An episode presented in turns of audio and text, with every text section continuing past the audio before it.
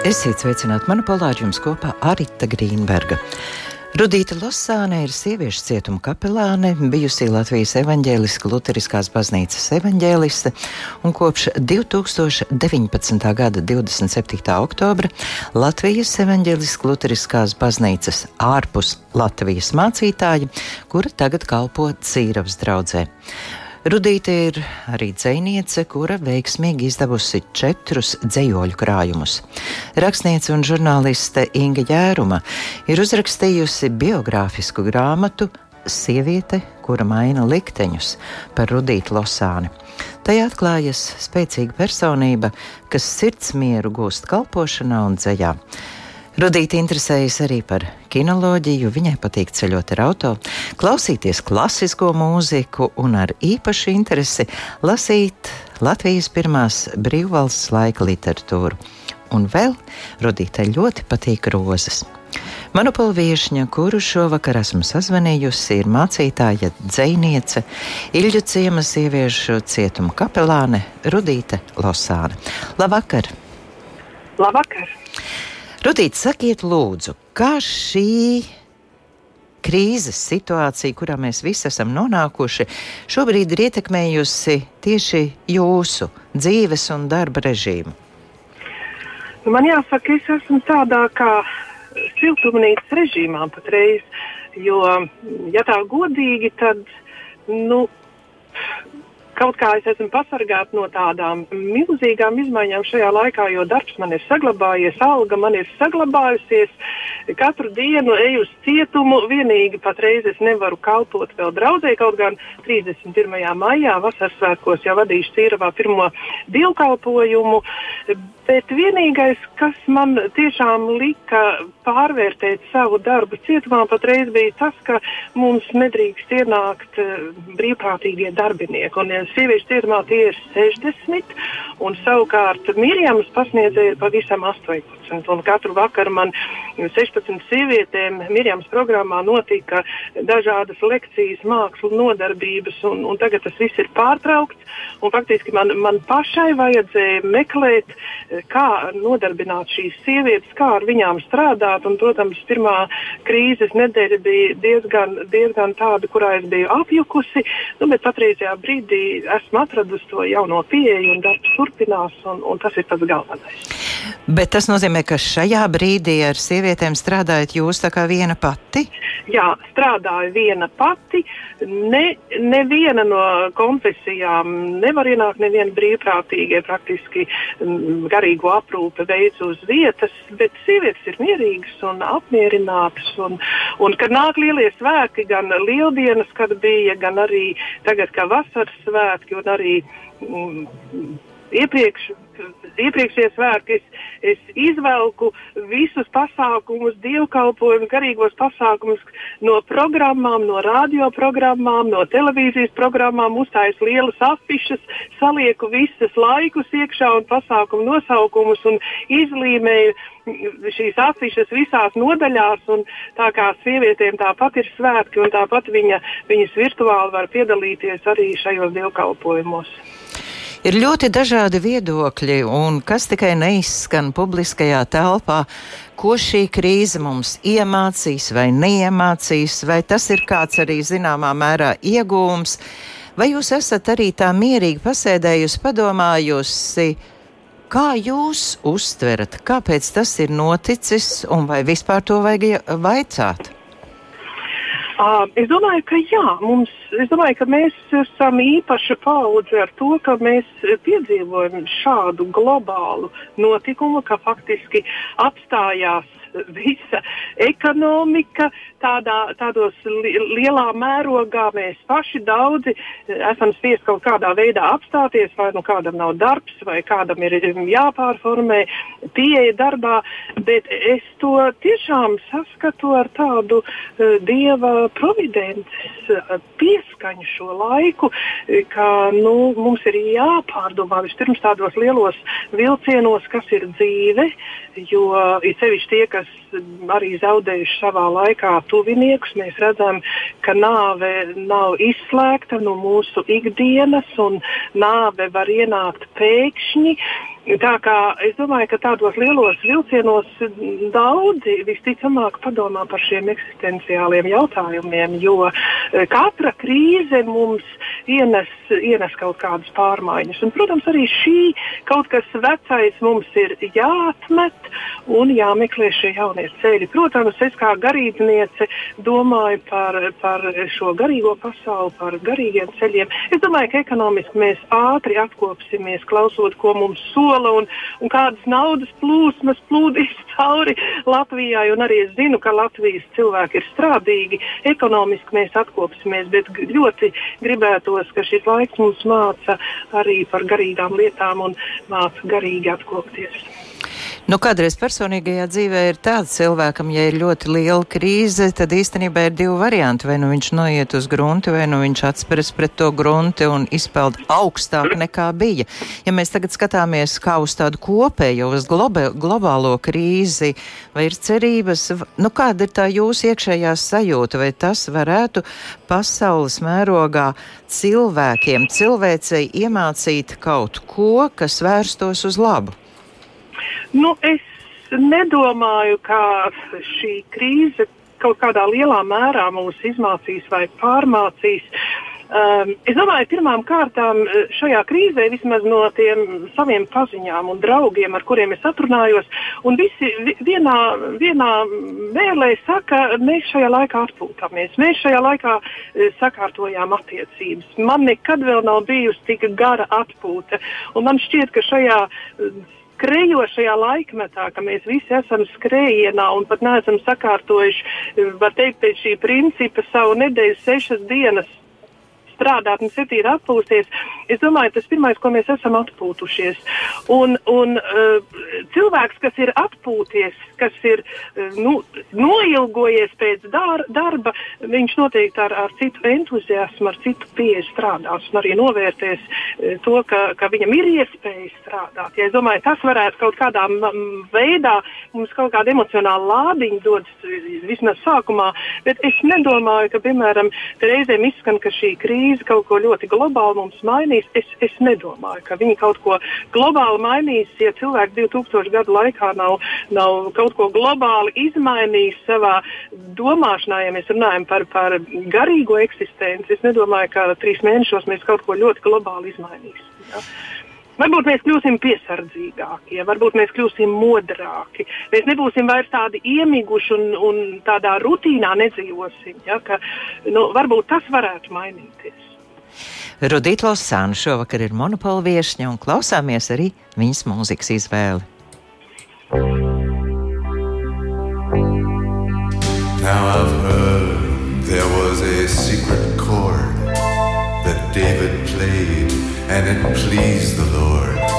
But you don't really care for music, do you? It goes like this the fourth, the fifth, the minor fall, the major lift, the baffled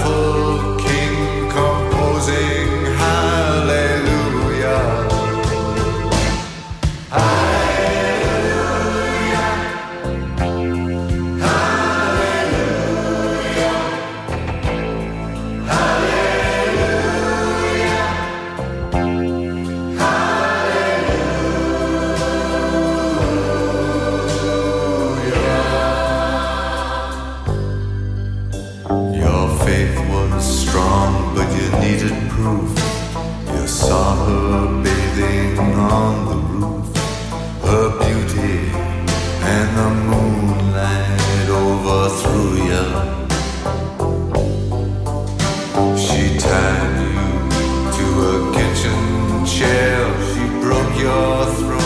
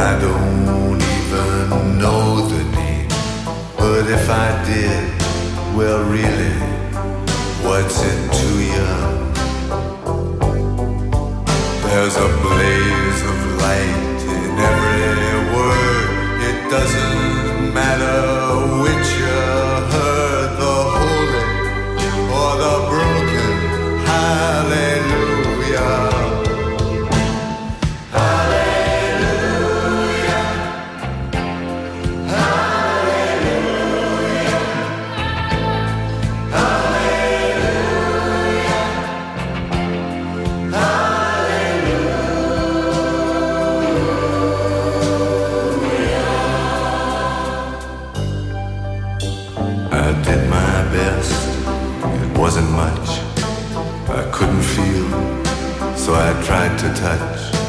I've told the truth. I didn't come to fool you. And even though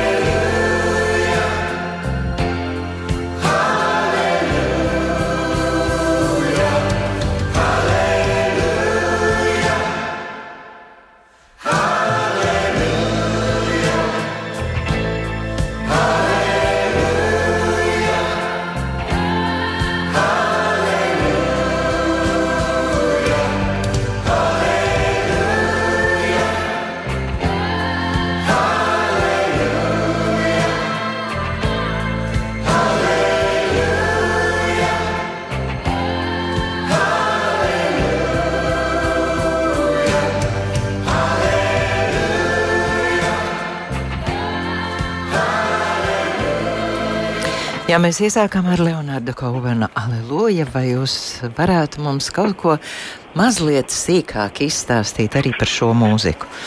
Jā, un ne tikai par šo mūziku, bet arī vispār par izvēli eh, šim raidījumam. Eh, Nu, tā izvēle balstījās tajā, ka mums cietumā ir programmā Mirjam Gospel koris. Un šo gospel kori vada Rīgas gospel kora solisti Jānis un Dācis Lovskis. Un, un, um, protams, mēs visu gadu dziedam, bet tad, kad sākās šī uh, krīze, šīs Covid-19 uh, izraisītais aizliegums ienākt brīvprātīgajiem, protams, viņi arī nevar ienākt, bet uh, šis gads mums bija ļoti skaists. Mēs dziedājām gan šo koēna aleluja, pie kā mēs arī mm, tulkoju uh, no angļu valodas vārdus, lai mēs varam latviešu dziedāt. Un arī pārējās dziesmu izvēles man ir izvēlētas tieši no mūsu uh, Mirjamas gospēļu repertuāra. Tā kā šodien arī klausītāji varēs dzirdēt, ka cietumā sievietes brīnišķīgi dzied. Un mēs ap citu kori esam 20 sievietes, kas dziedam. Un, dzieda, un arī es dziedu pati šajā korī. Un mums parasti jūnijā, 2. jūnijas svētdienā bija izlaidums, kad visas mākslas studijas, kas, kas pavisam mums ir deviņas, prezentēja to, ko gadu laikā ir iemācījušās. Mēs arī gatavojām, manuprāt, kādas piecas dziesmas, ko mēs gribējām dziedāt šodien koncertā. Bet, protams, tas viss izpaliek. Tāpēc šīs dziesmas, šīs piecas dziesmas, ko es izvēlējos raidījumam, ir arī tāds mans apsveikums šajā laikā visiem 18 mirjams pasniedzējiem. Tā kā viņi nevarēs šodien šīs dziesmas mūsu izpildījumā klausīties šajā mācību gada noslēgumā izlaidumā, tad tas mana dāvana, un, protams, arī rādio dāvana, par cik jūs atskaņojat, ir, ir šīs nu, gospeļa dziesmas. Rudīt, jūs lielais notikums, kas notika nepārāk sen, mazliet vairāk kā pusgads ir pagājis. 27. oktobrī bija jūsu ordinācija par mācītāju. Kāda jums bija šī diena? Es domāju, ka jūs jau to atcerēsieties droši vien visu mūžu, bet varbūt padalieties lūdzu ar mūsu klausītājiem. Jā, nu, tā diena bija, ja mēs skatāmies no ārpuses, tā bija vētraina un lietaina. Ja mēs skatāmies no iekšpuses, kas tur notika, tad, ja man jāsaka vienā teikumā, kā es šo dienu atceros, tad tā, tā bija pilna gaismas, kurā es jutos tā kā tāds mazs apjuts bērns, kam praktiski nebija ko teikt, kas bija aizgājis līdz kaut kādam savas dzīves punktam.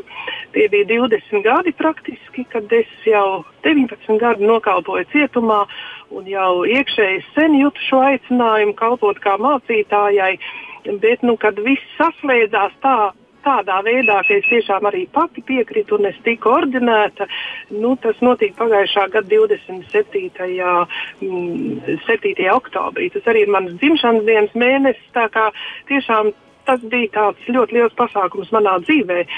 Un viņš vēl ilgi apspīdējis manu turpmāko gaitu, un es pat jūtu, ka daudz kas manā kalpošanā ir nu, izmainījies. Nu, tādā nozīmē, ka ir kaut kāds papildus iekšējs spēks, kaut kāda papildus tāda iekšēja vadība.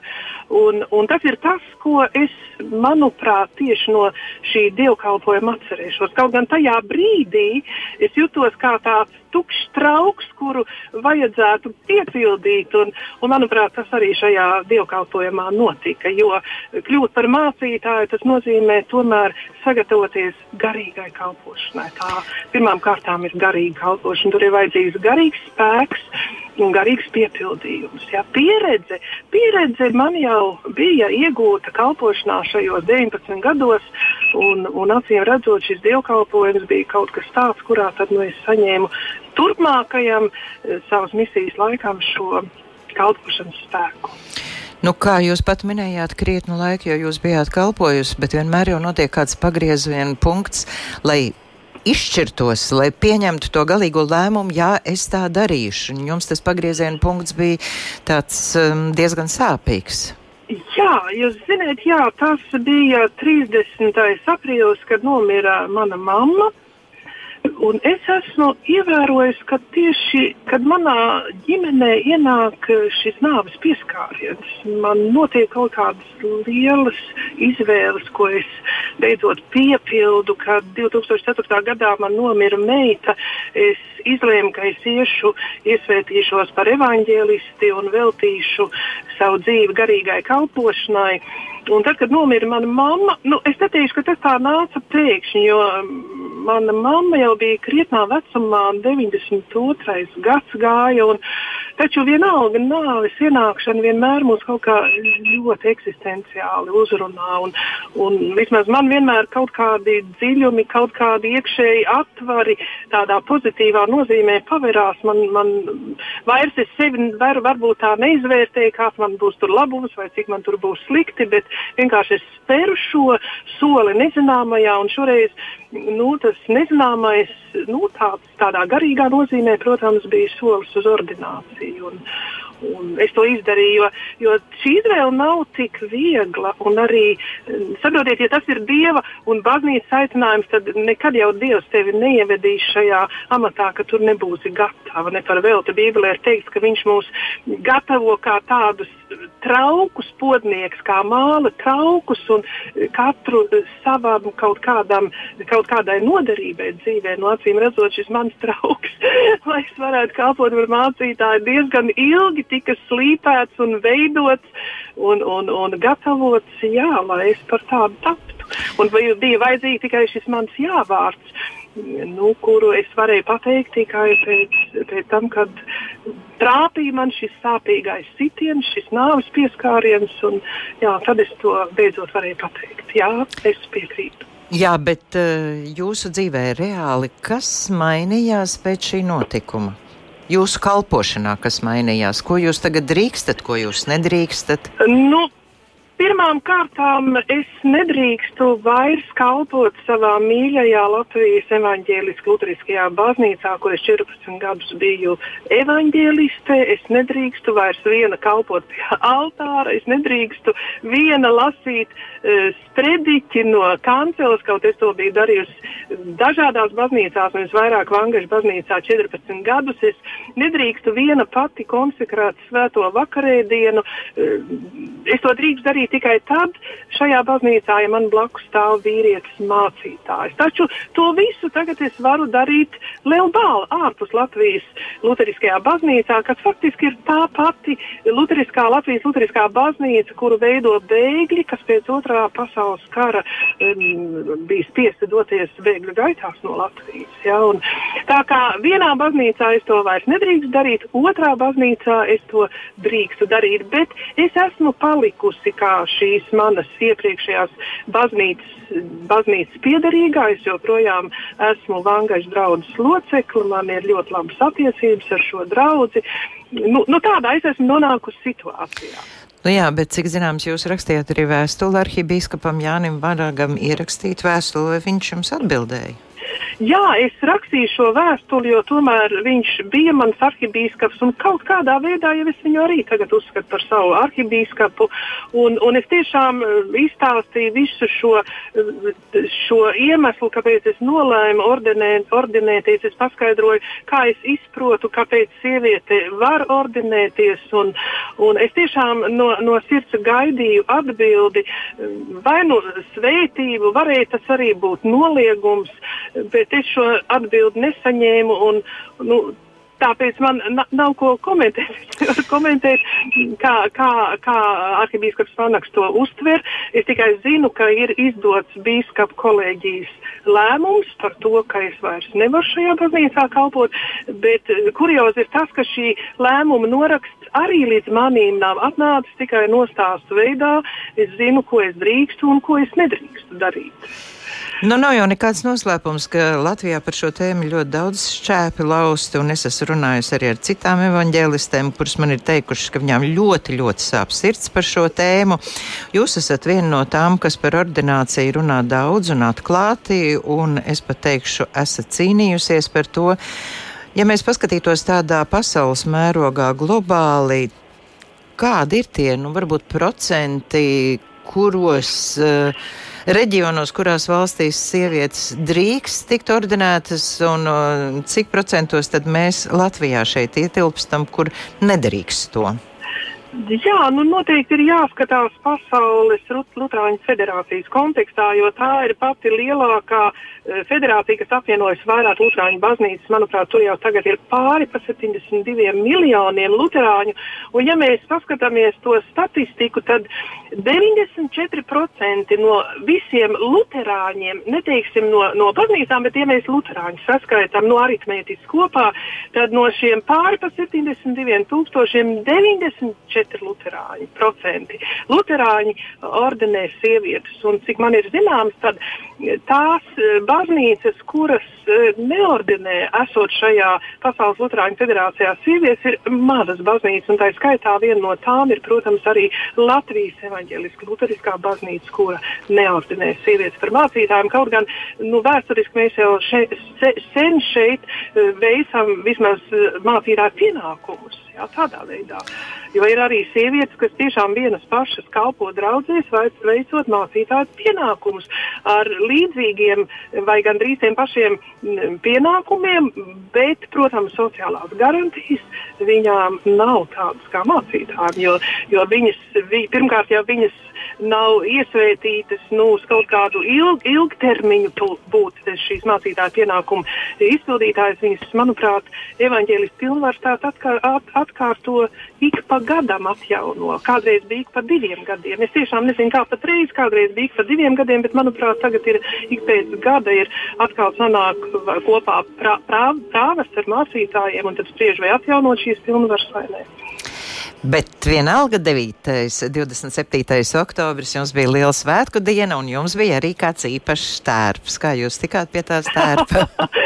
jā, tas ir brīnišķīgi, jā, jo es ilgi domāju arī par to, par savu mācītāju dreskodu, jo principā mēs šeit varam nopirkt tikai vīriešu kolāru kreklus, vīriešu talārus, vīriešu albas, un man tik ļoti gribējās arī savā tērpā izakcentēt šo, šo, šo sīvišķo līniju, un man laimīgā kārtā iznāca pēc 20 gadiem satikt ļoti labu paziņu, tagad ļoti pazīstamu modes dizaineri, tērpa dizaineri Jolantu Ozolapu, un es aizgāju pie viņas un izstāstīju savus plānus, un viņa man dizainēja ļoti skaistu e, tādu sievišķīgu mācītāju skolāru kleitu, un, un es pasūtīju arī internetā speciālu talāru, kas arī ir sieviešu talārs. Un, un es, es jūtos ļoti sievišķīgi savā tērpā, un es jūtos ļoti sievišķīgi savā amatā.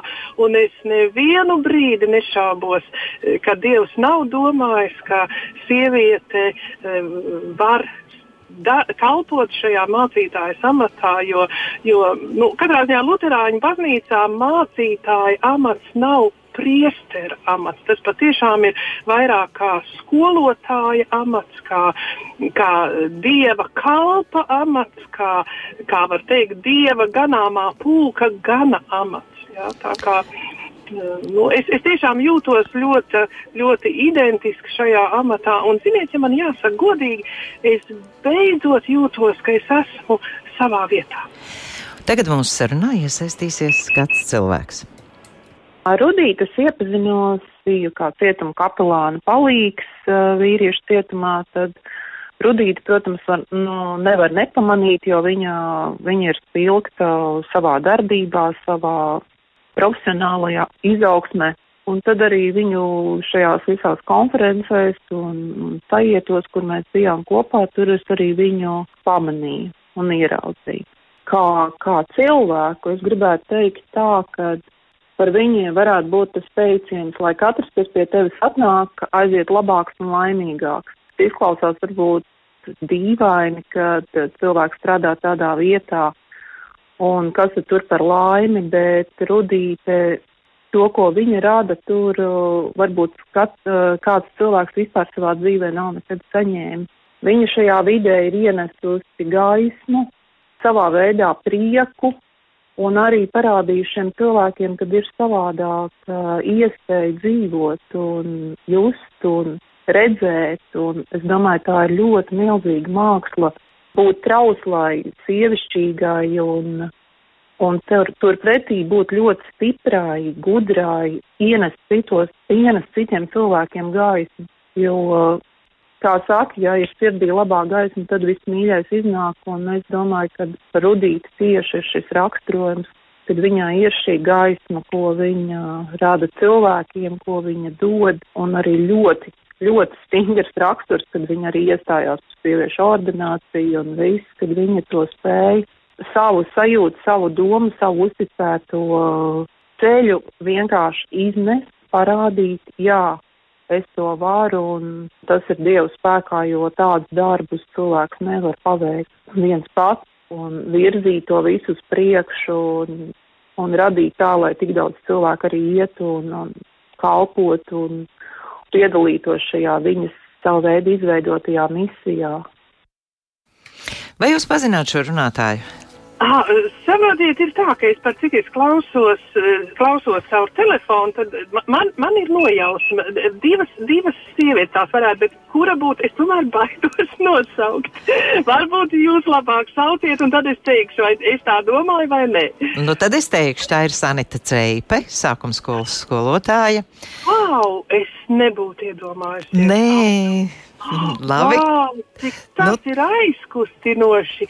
Mēs vispār, man liekas, tā pat neesam tā tuvumā īsti pazīstamas. Ja? Nu, tiešām es biju ļoti patīkami dzirdēt. Ja? Nu, jā, bet kā viņi teica, jūs esat spilgti savā darbībā. Man lūdzu uzrunāja tas, ka tas, eh, kā Sanita teica, lai katrs, kas pie tevis atnāk, aiziet labāks un laimīgāks. Nu, tajā nozīmē mirjamā strādājot, atnāk ne jau tā vienā dienā, ne jau vienā vakarā, atnāk uz ilgiem, ilgiem laikiem, ilgiem gadiem. Es tagad tā domāju, jūs teicāt, diez vai trijos mēnešos mūsu pasaule un dzīvesveids un domāšana izmainīsies. Tad man gribas vaicāt, cik ilgs laiks ir vajadzīgs, lai viena cilvēka domāšanu uztveri jūtas pagrieztu citā virzienā? Jā, nu, tas ir jautājums, uz kuru pat ir grūti atbildēt. Es teikšu, tā tas ir ļoti atkarīgs no tā, cik šis cilvēks ir motivēts un cik viņš ļoti grib kaut ko savā dzīvē mainīt. Jo praktiski es jau neko nevaru izmainīt. Es varu parādīt ceļu, pa kuru ir jāiet, lai cilvēks mainītos. Ja? Un tas ir jautājums, kā viņš pats izvēlēsies, cik ļoti viņš būs noguris no tādas dzīves, eh, kas viņu ir novedusi cietumā, cik ļoti viņš būs noguris no dzīves cietumā. Nu, tas ir tas, var teikt, tā, tas sākums, un pēc tam katram jau ir savs ceļš. Tad, protams, arī cik katram, katram ir tas tā iekšējā pretestība, cik viņš pretojās tam, ka kāds viņu grib mainīt. Es te nedomāju tādās cilvēciskās kategorijās, bet tādās garīgās kategorijās, cik viņš ir gatavs mainīties, jo reizēm es mainos, mainos, un pēc tam es atkrītu atpakaļ. Ja es mm. mainos, mainos, un tad es vienkārši eh, protestēju iekšēji, kad es gribu, es negribu tā, jo tomēr tāda iekšēja pārtapšana, tāda iekšēja skatu punktu transformācija, eh, tā, tas ir ļoti nopietns iekšējs darbs. Tas ir reizēm pat sāpīgs darbs cilvēkam. Ja? Tas. Nu nav tā skaisti, es mainos. Ja? Tā, tā nav. Bet uh, Sanitai arī ir kāds jautājums kā atrast iekšējo spēku, ko, kas cilvēkam dod iespēju uzlādēties, sajust, ieraudzīt un kā to attīstīt arī citiem. Jā, nu es laikam nebūšu padomdevēji, kā to attīstīt citiem, jo tas, tas tie garīgie ceļi, tās garīgās prakses tagad tiek Latvijā piedāvāts tik daudz un dažādas, kā šo gaismu atrast, kā šo spēku sevi atrast, kā šo ceļu. Bet mana pieredze, kur es visvairāk esmu atradusi spēku, un, un kad es esmu atradusi atkal krustcelēs, kur man iet, ir tas, ka es savas ciešanas izciešu pati sevi. Laikam tāpēc arī rakstu dzēju, tāpēc es laikam pati rakstu, jo man ir svarīgi pašai nest savu krustu, pašai savās ciešanās atrast to ceļu, arī pašai atrast savas vainas, pašai spēt, spēt izvērtēt sevi, nu, tāds ir mans ceļš. Tas ir grūts, tas ir reizēm vientulības ceļš. Un, un es tā reizēm, kad man ir visgrūtāk, tad es vislabprātāk noeju no kopības, noeju maliņā, es ielienu savā būdā, es kā, kā suns laizu savas brūces, kamēr tā sadzīst, kamēr es esmu atradusi šo atbildi. Un tad es atkal izēju un es jūtu, ka man spēks ir atgriezies un, un reizēm pat vēl vairāk. Tā, tā ir mana atbilde, bet vai tā, tas būs padoms e, kādam citam, protams, e, to es nevaru pateikt. Bet turpinām ar jūsu izvēlēto mūziku. that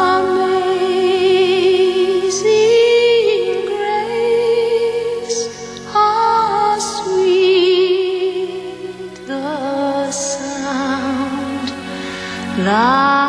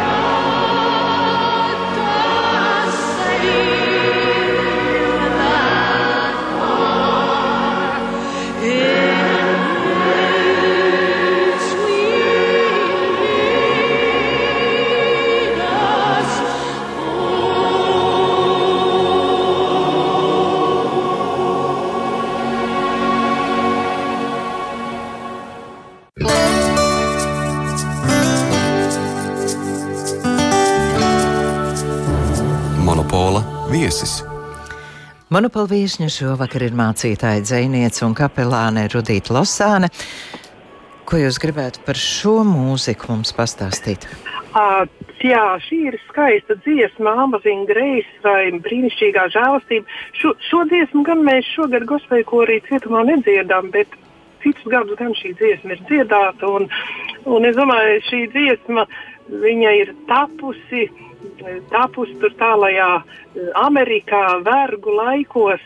Un, un, un patiešām man liekas, ka šajā dziesmā ir tāda ārkārtīgs iekšējs, tāds maigs un milzīgs spēks, kas ir vērsts uz Dievu un, un arī kas ir saņemts no Dieva, lai, lai izturētu savas dzīves grūtības. Man liekas, šo dziesmu arī šodien vajadzētu klausīties tiem, kuri šajā krīzes situācijā patiešām ir nonākuši grūtībās, lai caur mūziku taptu iepriecināti un stiprināti. Jo mēs zinām, ka mūzika arī ir viens no veidiem, kas var cilvēku arī garīgi stiprināt, un garīgi mierināt un garīgi pacelt.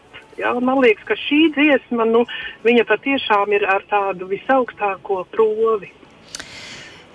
Šobrīd es turu rokās Ingas jērums tikko svaigi uzrakstīto grāmatu Sieviete, kura maina likteņus.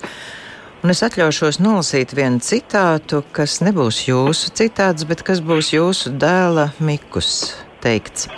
Baznīcas Latvijā pārsvarā nav mūsdienīgas, un tas ir iemesls, kāpēc cilvēku uz tām iet ar vien mazāk. Domāju, ka tagad jāmaina pilnīgi viss koncepts, komunikācijas veids, jāsaprot, kas ir mācītājs, kādam viņam jābūt.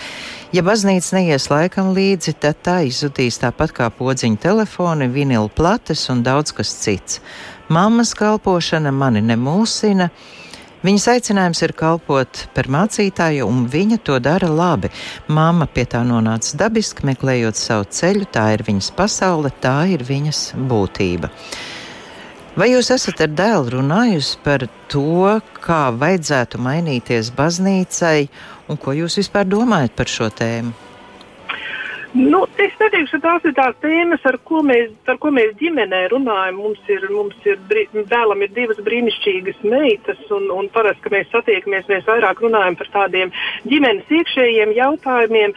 Uh, protams, arī par dažādiem garīgiem jautājumiem, bet ne tik daudz kā par baznīcu, kā par institūciju. Bet, manuprāt, jā, kad es izlasīju grāmatā Miku šos vārdus, uh, es par tiem ļoti domāju. Es domāju, ka mums ir jāieklausās, kā šodien domā jaunatne. Ja? Un, un tā, mēs nedrīkstam ieņemt tādu patriarchālu pozīciju, ka nu, mēs mācīsim, kā vajadzētu. Ja?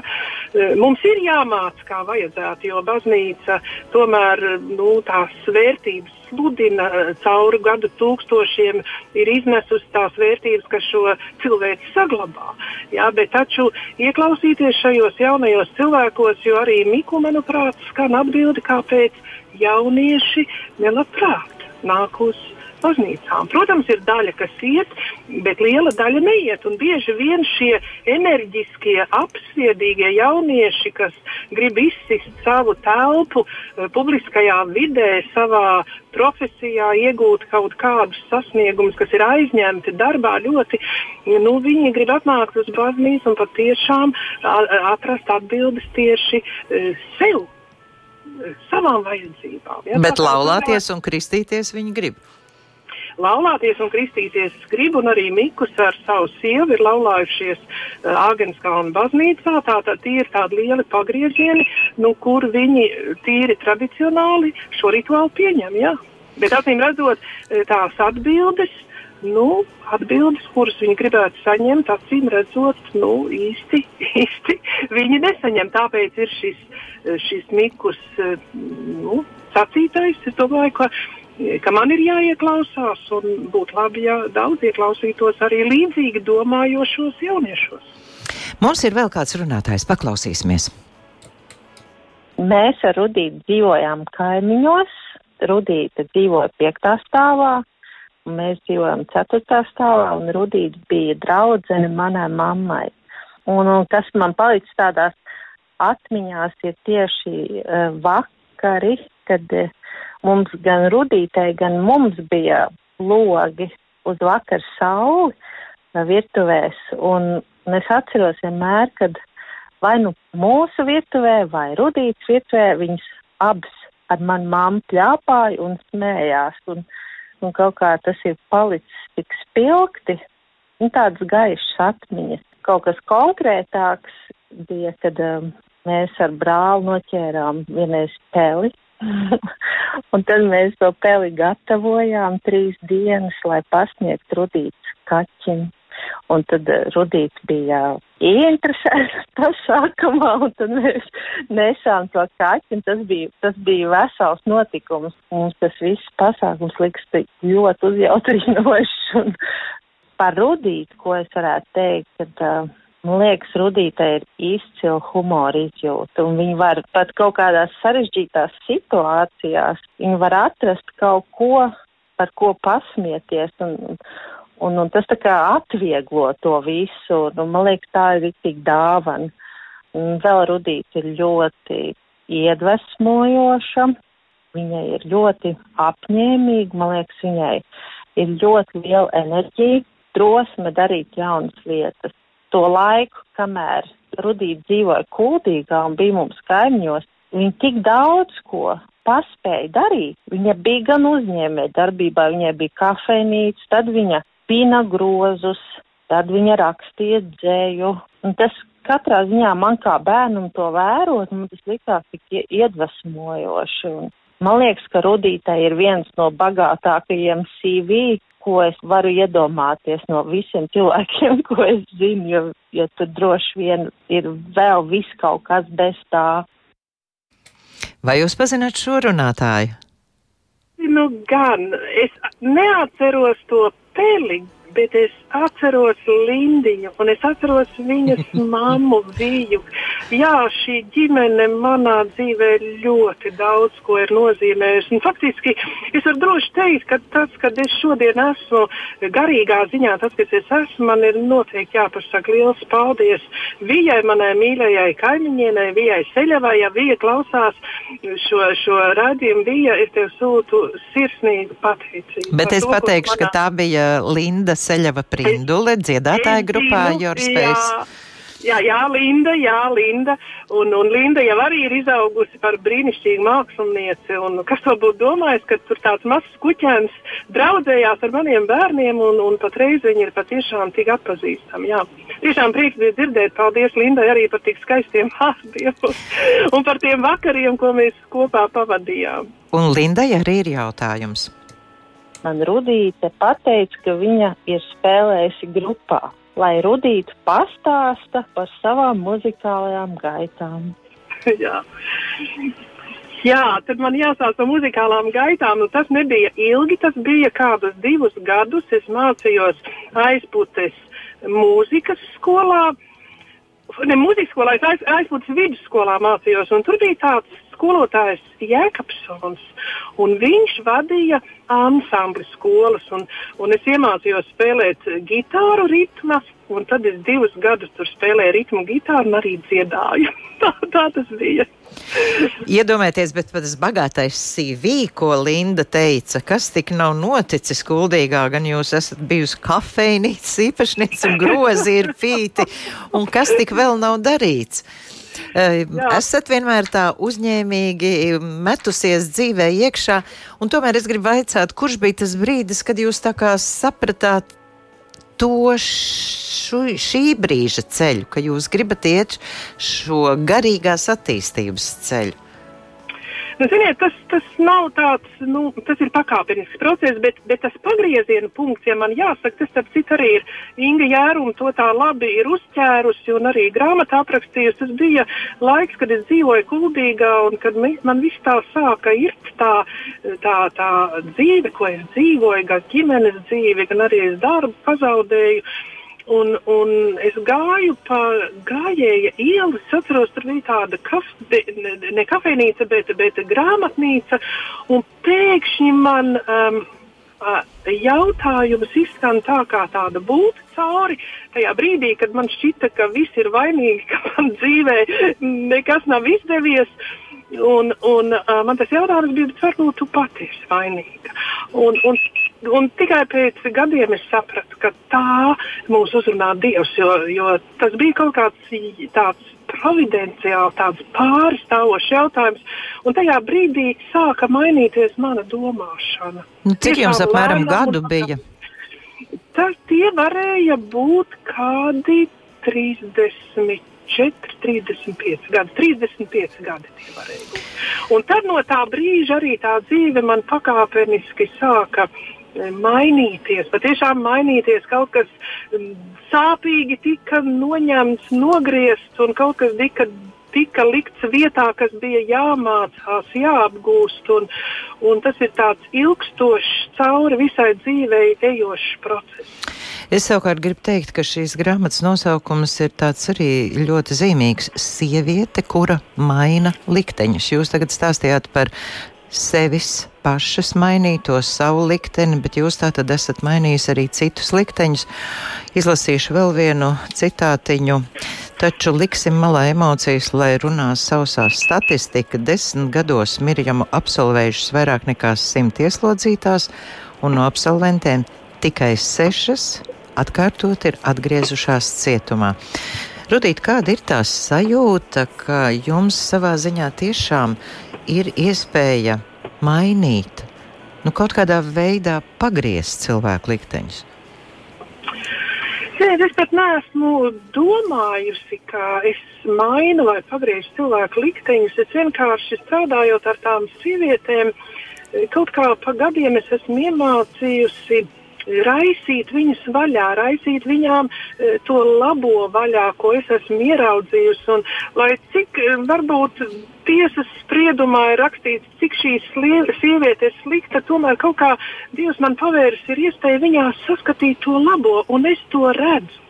Un tas ir tas, ko, ar ko es nodarbojos. Es lobu nost šos nepareizos priekšstats no šīm sievietēm, lobu nost šos nepareizos vērtējumus un, un, un tiešām ar ātrotītām piedurknēm es cenšos izlobīt no viņām ārā to labo. Un, protams, tam visam kontekstā ir ir, ir, ir šī, šī garīguma mācīšana, šī, šo garī, garīgās prakses apgūšana un, un arī Bībeles studēšana un, un mācīšanās un domāšana par viņu.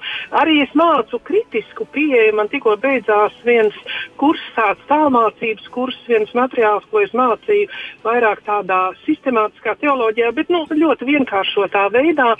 Un es arī viņām mācīju uh, kritiski pieiet atsevišķām Bībeles vietām. Tas nenozīmē kritizēt, bet es man ļoti gribās viņas iemācīt domāt, vērtējot. Ja? Un, un acīm redzot, šī pieeja un arī pieaicinot visus šos brīnišķīgos māksliniekus un teologus un personības, kas arī nāk un mirjamā darbojās, es domāju, arī šī vide palīdz viņām apjaust to, kas viņās ir labs.